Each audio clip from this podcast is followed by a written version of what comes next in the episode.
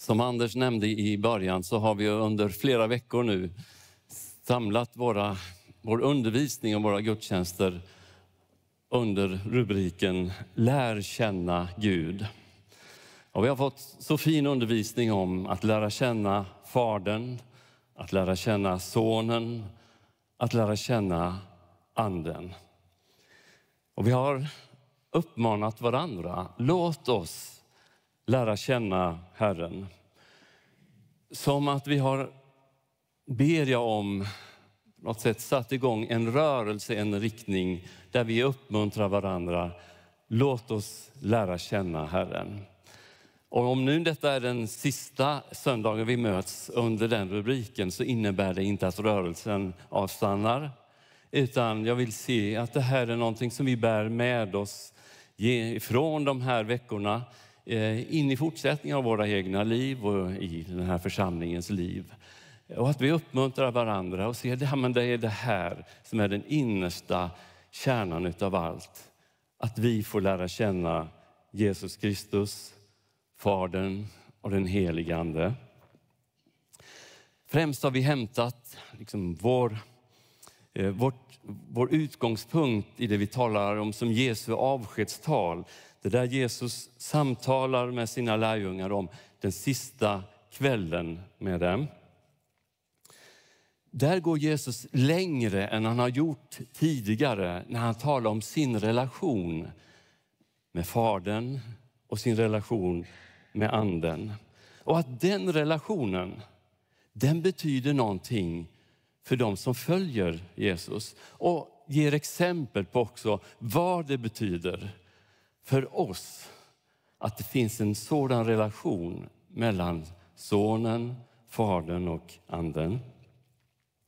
Deras liv, säger Jesus, kommer att bli, de kommer att bli helt beroende utav det livet som de leder. De kommer att vara så tätt knutna till Sonen, Fadern och Anden.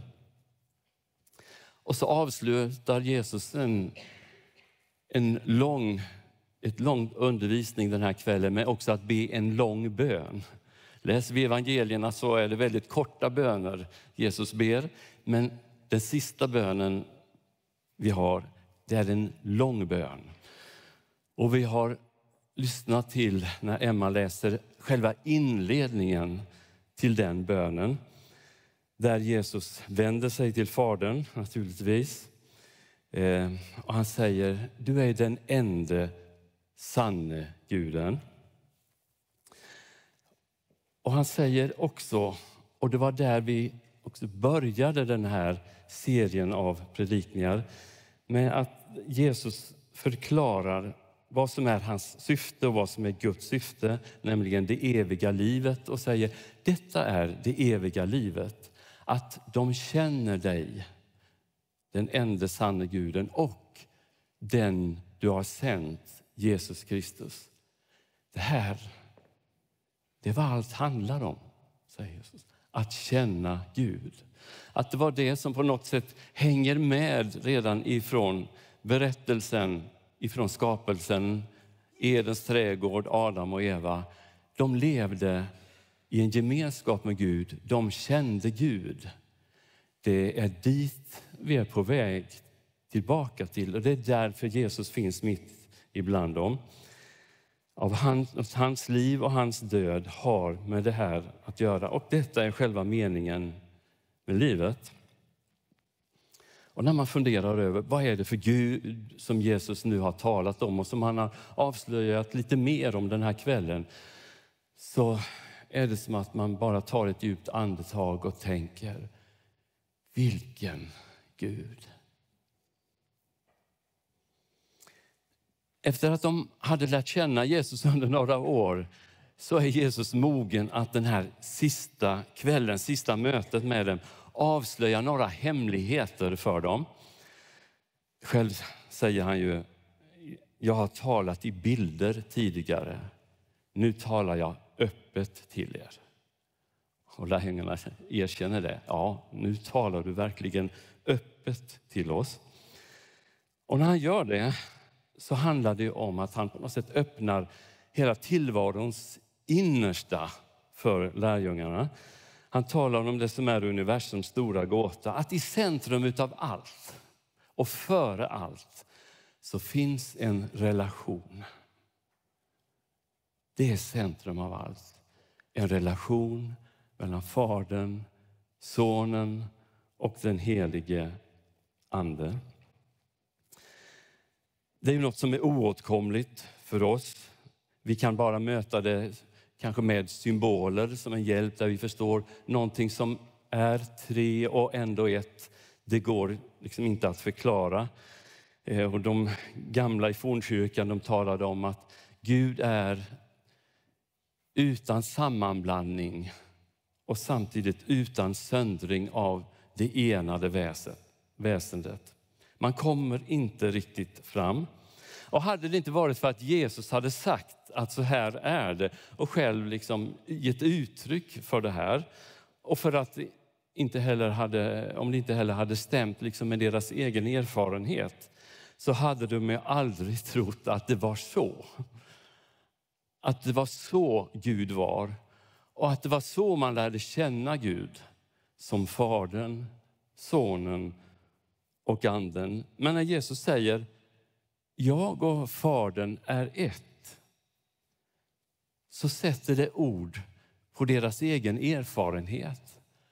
Det är så vi har upplevt det. Ja, men det är ju så vi känner det. Jesus och Fadern är ett. Och det där finns ju något sätt alltid med i, i tron, den kristna tron. Eh, att, att vi behöver som en förutsättning vara tillräckligt ödmjuka för att kunna ta emot hans vänskap och kärlek utan att förstå allt och utan att kräva att jag måste förstå allt för att kunna tro på det här eller hur allt hänger ihop. Och framför allt det här med vem är Gud egentligen och hur är det? Det handlar ju om, det är mångas erfarenhet, att man behöver inte tappa förståndet för att ändå inte vara begränsad av förståndet. Precis som vi hör av många av de mest lärda och framstående av forskare och personer som liksom vet så mycket man, som är möjligt att veta så säger de ju mer jag vet, ju mer förstår jag att det är mycket jag inte vet. Och där tror jag vi någonstans också hamnar. I sin bön ber ju Jesus om att bli förhärligad. Han säger Fader, förhärliga du mig. Det vill säga låt mig få eh, återfå det, det där upphöjda, majestätiska, den glans som tillhör det gudomliga varandet. Och han ber ju den som jag hade hos dig innan världen blev till. Det här är ju något som också är så ogripbart för oss. Men det han ber om är att få tillbaka allt det han avstod ifrån när han blev människa, en del av vår värld. Vi förstår ändå att det här handlar om en evig gemenskap. Någonting som, som höll dem samman, Fadern och Sonen. Och i slutet av den här bönen så ber Jesus du älskade mig innan världen skapades. Han lättar en, igen på den här storheten, den här relationen som inte riktigt vi kan liksom sätta andra ord på än han själv faktiskt gör. Och han ber också Fader, du som är i mig och jag i dig. Och ber för lärjungarna också. Låt dem vara i oss. Han ber, vi är ett. Jag i dem, du i mig. Det går inte att beskriva en närmare relation än det Jesus gör och det han inbjuder oss att bli en del av. Gud är en, men han är inte ensam. Och det är en skillnad. Gud är en evig kärleksrelation mellan Fadern, Sonen och Anden.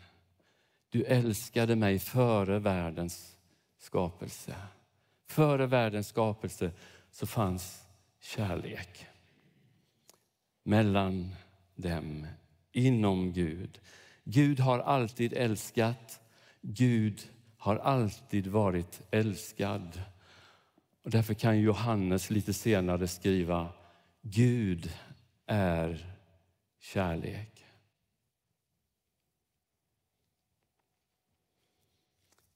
Gud är ett ständigt flöde, en, en evig rörelse på något sätt. Eh, något som väller fram från ett bottenlöst hav av kärlek. Inom Gud finns ett ständigt mottagande och ett ständigt utgivande av kärlek. Ett ständigt upphöjande och tjänande. Och det är i denna gemenskap vi blir inbjudna. Därför att det är just i den här relationen som räddningsplanen för världen föds och formas. Johannes skriver, så älskade Gud världen att han utgav sin enda son för att var och en som tror på honom inte ska gå under utan ha evigt liv. Det var ur denna kärlek som hela den fantastiska planen utformades och sen genomfördes. Han ger sig själv för världens skull. Han blir en del av skapelsen genom Jesus från Nasaret. Och som en del av den så försonar han allt med sig. Ingen undantagen, inget undantaget från det. Som ett uttryck för ren Guds kärlek lever och dör Jesus för vår synd, för vår bortvändhet ifrån Gud. Det är bara en aldrig sinande kärleksdröm ifrån den treenige guden som vår frälsning kan förklaras. Inte på något annat sätt. Vi kan ha synpunkter på den här räddningsplanen. Varför gör Gud så? Varför gör Gud det då? Men Jesus svar genom sitt liv och sin död är ju helt enkelt bara det.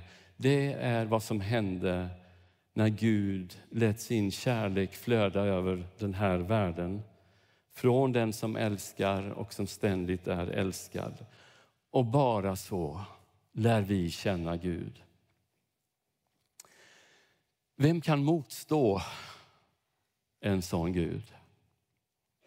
Jo, jag kan. Du kan. Men vill vi? Vill vi motstå en sån kärlek? Bakom sig hade ju de här lärjungarna som Jesus nu talar med många omtumlande erfarenheter. Deras värld hade verkligen förändrats i sällskap med Jesus. Deras liv hade förvandlats. De hade sett många andras liv förvandlas. Och genom att lära känna just Jesus från Nasaret hade de förstått att Gud är så mycket större än de visste tidigare. Han är så mycket mer intresserad av det som är deras vardag och liv. Han har så mycket mer kärlek än vad de någonsin har varit i närheten av i sina tankar. Och nu säger han till dem, det ni har varit med om, det är bara början på det som nu kommer. När han säger till dem, jag ska be Fadern, han ska ge er en annan hjälpare. Sanningens ande ska komma. Han säger, jag ska inte lämna er ensamma, jag ska komma till er. Och han fortsätter liksom med att bara rada upp de här orden som på något sätt förklara att Gud är så mycket större och ni kommer att se honom så mycket större, djupare, varmare än vad ni har föreställt er. Han säger om någon älskar mig och bevarar han mitt ord och Fadern ska älska honom och vi ska komma till honom och vi ska stanna. Det är en sådan Gud som säger kom till mig. Och kanske är det så att du och jag ska ta till oss de orden den här dagen igen. Jesus säger kom, lär känna mig. Vem du än är så är jag större. Så finns det mer kärlek än du anar så finns det ett större hjärta som klappar för dig. I sin bön här i slutet av talet ber Jesus också för alla de som ska komma till tro på honom. Och han säger, liksom du fader är i mig och jag är i dig ska det vara i oss. Det gäller dig och mig. Vi är skapade till, vi är kallade till denna eviga kärleksrelation som har funnits där av evighet.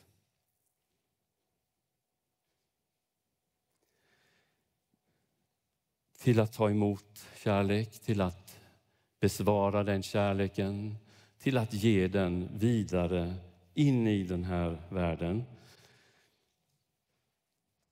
Att vara en del av det här flödet. Därför ger ju Jesus oss också uppdraget att gå ut i hela världen, göra alla människor, alla folk till lärjungar och döpa dem i Faderns, Sonens och den heliga Andes namn. Som ett uttryck för denna gåva ifrån Gud står dopet där. En ständig påminnelse om att vi inte bara döpta i vatten, inte bara nedsänkta i vattnet, utan nedsänkta i allt det som är Gud. Allt det som ryms i det namnet. Vi är döpta i hans namn, i allt det som är Gud, in i denna kärleksrelation och för att delta i den treeniges liv här i världen. Den Gud vi möter i Jesus och i Nya testamentet är en trefaldig Gud. Samtidigt den ende, den sanne. Så är vi alla inbjudna att lära känna den Gud som är kärlek. Det här är överväldigande. Inget kan vara större. Du möter inget större i ditt liv än denna inbjudan. Det här är vad Guds rike handlar om. Detta är frälsning. När Johannes skriver sitt första brev så säger han, vi har förkunnat för er för att ni ska ha gemenskap med oss. Och vår gemenskap är en gemenskap med Fadern och hans son Jesus Kristus. Vår gemenskap, den kristna gemenskapen, är ingen annan gemenskap. Ingen annan sorts gemenskap än den. Därför att bara i relation med den Gud som vi möter här kan vi uppleva den med varandra. Självklart väldigt ofullkomligt och bristfälligt. Vi är människor, ibland med stora brister.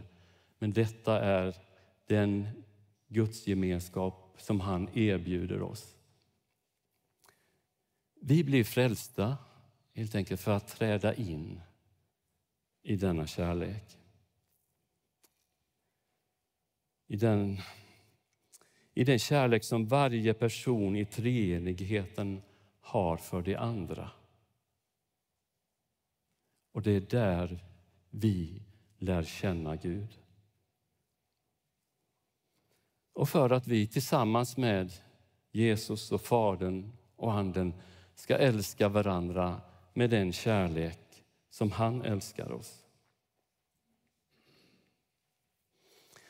Den här sommaren har jag igen på något sätt förundrats över det här och läst den 23 salmen igen och igen där jag kommer till de här orden. Du dukar ett bord för mig i mina ovänners åsyn. Du smörjer mitt huvud med olja. Du låter min bägare flöda över. Och jag har upplevt att det är så Gud möter mig nu. Han inbjuder till en måltid, inte bara den sista en gång, utan här och nu att leva i en gemenskapsmåltid. Jag är inbjuden och samtidigt säger han, vi kommer till dig. Och jag tänker mig, detta är det som återstår för oss här och nu. Kanske är Gud okänd för dig. Men jag vill säga, han går vid din sida. Kanske är du besviken på honom, känner att du är sårad av honom, håller distans. Jag vill ändå säga, han är vid din sida och han säger kom. Kanske har du en varm relation. Ja, Jesus säger också till dig, kom, kom närmare, ta ett steg. Och ibland är vi i den där situationen där vi måste på hockeyspråk säga att nu måste vi släppa rinken och våga Gud, låta Gud älska oss. Sådana vi är och sådan han är. Att ta emot den kärleken, att besvara den och att ge den vidare. Det är så vi lär känna Gud. Så låt den här gudstjänsten få bli ett som tillfälle för dig. Igen, öppna dig för hans kärlek. Gud, vi firar gudstjänst. Vi gör det genom att tillbedja, lovsjunga och ära dig som den högste, den störste, den som har förvandlat den här världen genom kärlek. Som från början, som före den här tiden och världen älskade och blev älskad inom, inom dig, Gud. Och som nu låter den kärleken få strömma ut i världen. Ge oss då nåd att lära känna dig just så, som den Gud som är kärlek. Och de andra bilderna vi har av dig, som ibland har fått ta över, som den, den straffande, den fostrande, den stränge, som också kan finnas drag hos dig, men det som kan sägas vara dig, Gud, är just kärlek. Så låt oss lära känna mer av det här och nu. Amen.